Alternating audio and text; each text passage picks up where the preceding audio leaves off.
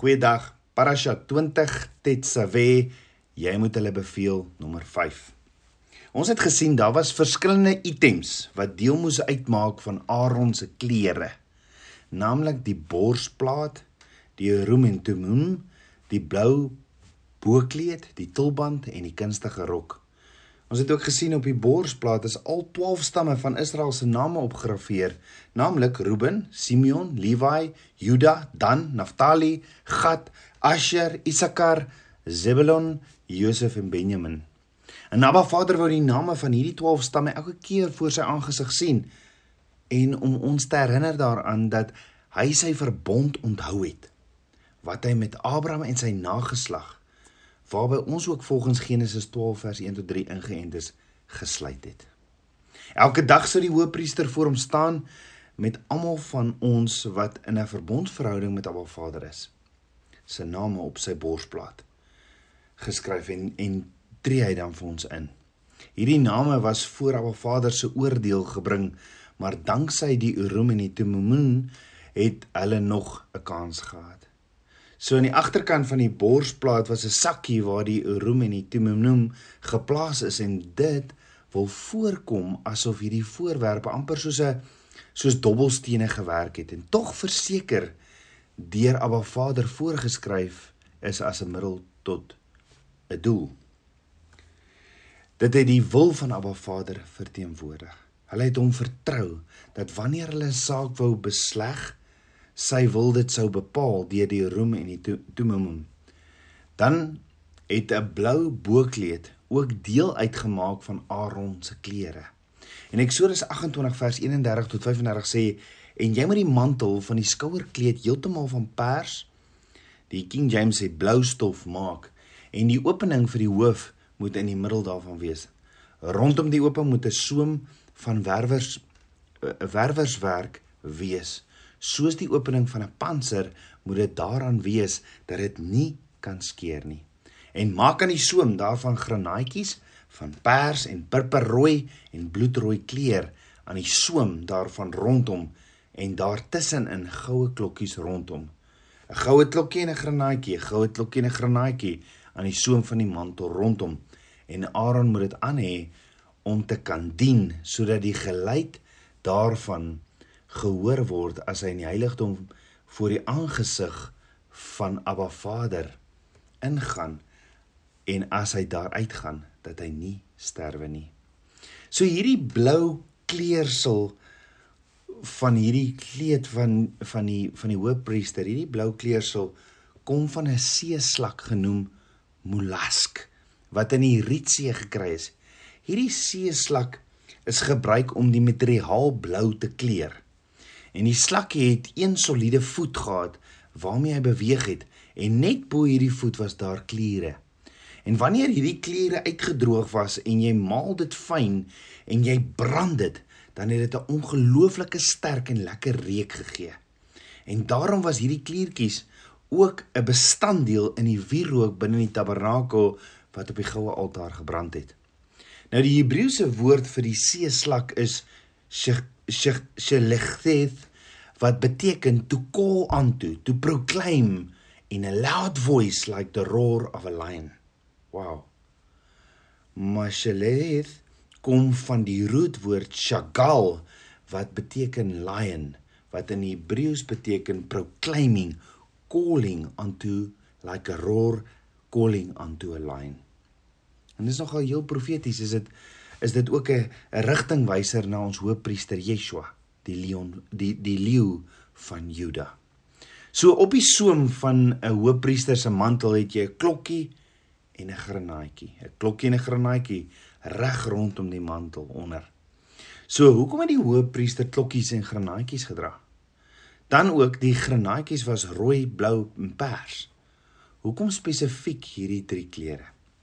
Jy sien wanneer die vrug van die granaatjies groei en uitsprei, dan lyk die granaatjies soos klokkies.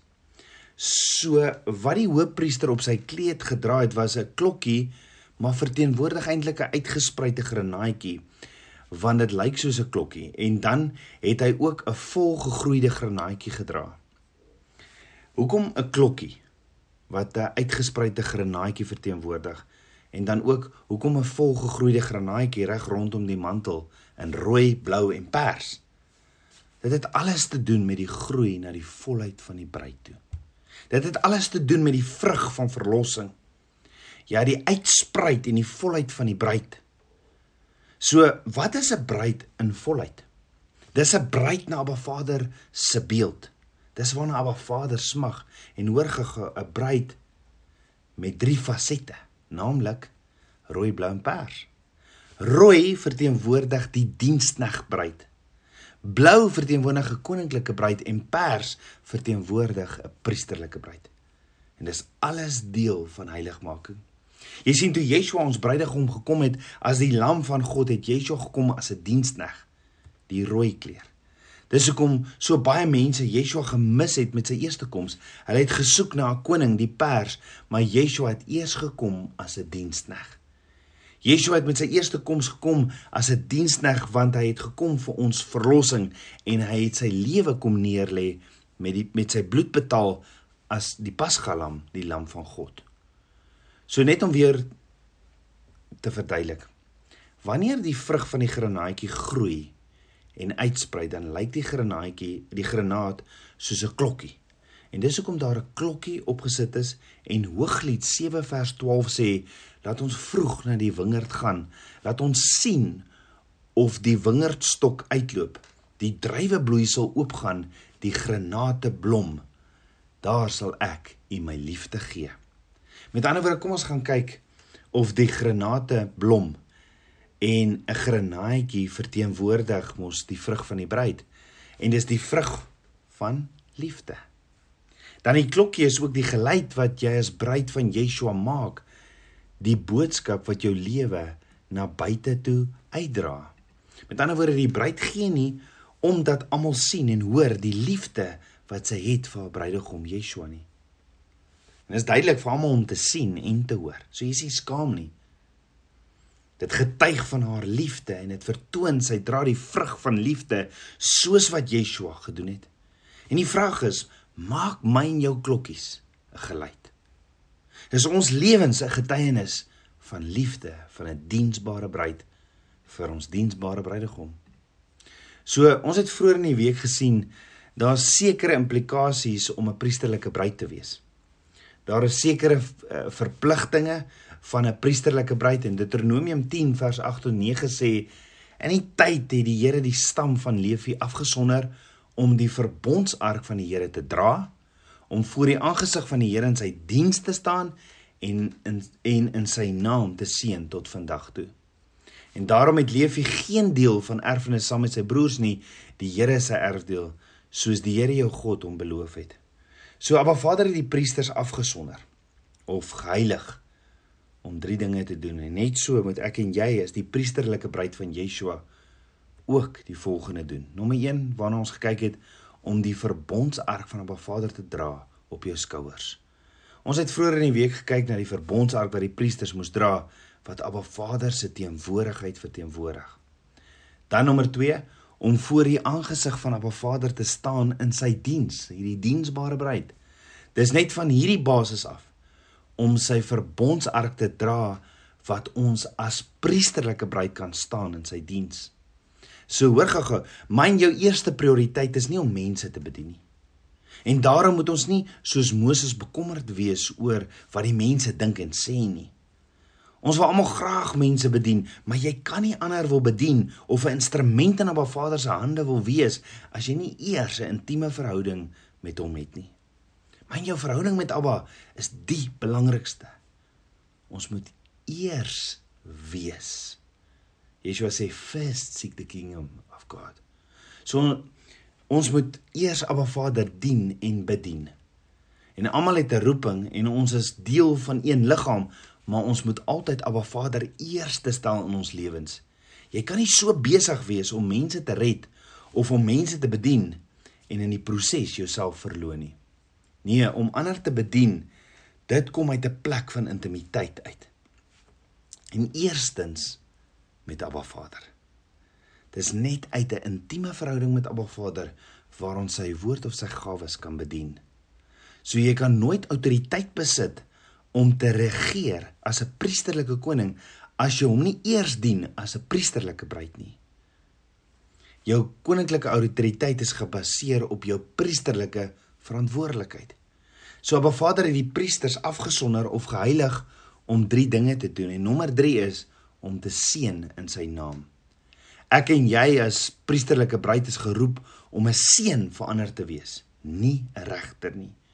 En hoeveel keer sit ons nie langs die kantlyn van die lewe en oordeel soos regters nie. Ons het altyd iets te sê oor iemand wat besig is om alles te gee. En Abba Vader het ons nooit geroep om regters te wees nie. En daar's net een regter en dis Abba Vader homself. As ons ga, a, a, en en ons gaan almal voor Abba Vader verskyn en moet rekenskap gee.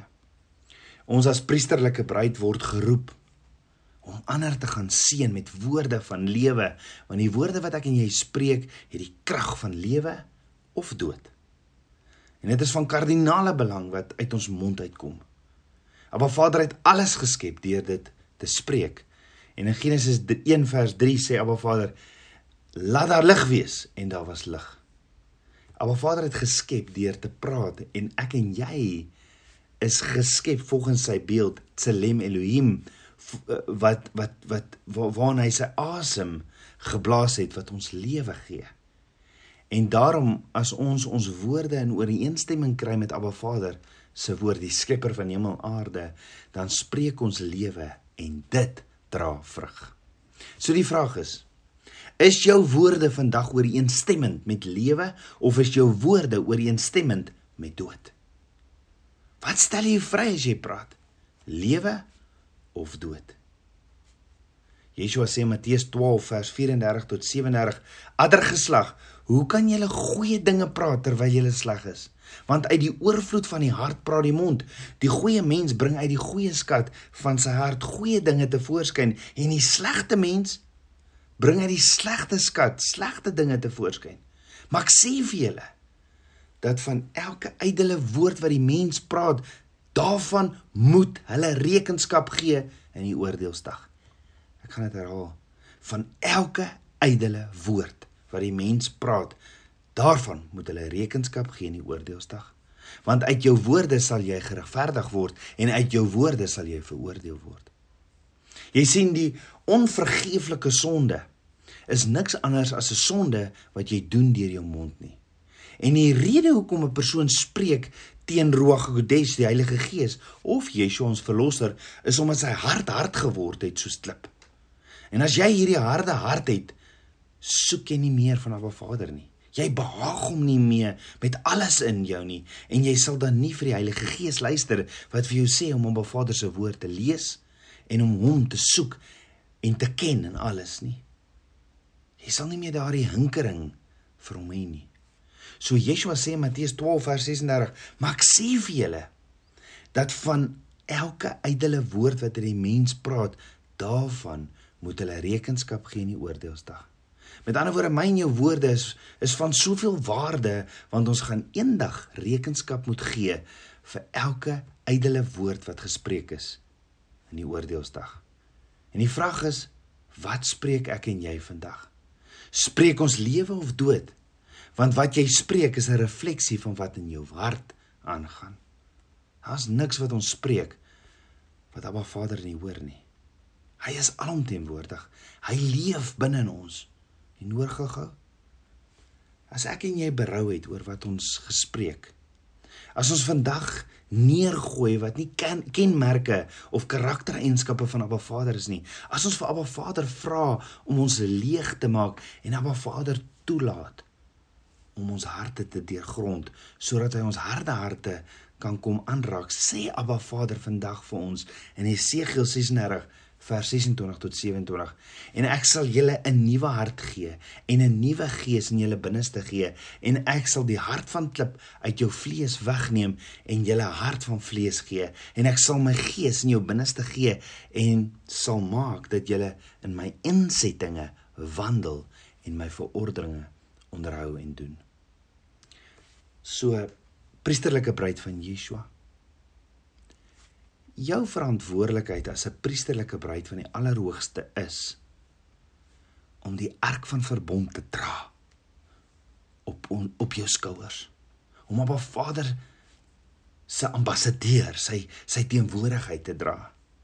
Om voor hom te staan en hom te bedien met jou aanbidding in waarheid en in gees en om dan ook ander te steen, te seën met jou woorde wat dan vrug sal dra met woorde wat dan vrug sal dra.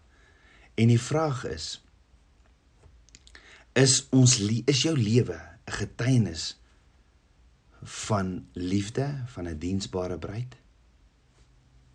Is jou klokkie die geluid wat jy as bruid van Yeshua maak? Die boodskap wat jou lewe na buite toe uitdra. Kom ons bid saam. Aba Vader, skieper van my hart, Vader, ek loof en prys U. Vader, dankie vir U woord. Vader, kom raak my mond aan. Kom verander my. Ek wil U priesterlike bruid wees. Ek wil U teenwoordigheid dra op my skouers waar ook al ek gaan. Ek wil U verteenwoordiger wees, U ambassadeur. Ja Vader, ek wil met hierdie mond van my lewe spreek. En ek bid Vader dat my mond net u woorde sal spreek. En daarom vra ek Vader, kom raak hierdie mond aan met 'n vuurkoel. Soos Jesaja sê, sê. Dankie Vader vir u woord. Meer en meer van u. Ek bid dit alles in Yeshua Messie se naam, die seun van Jahweh. Amen. Shalom.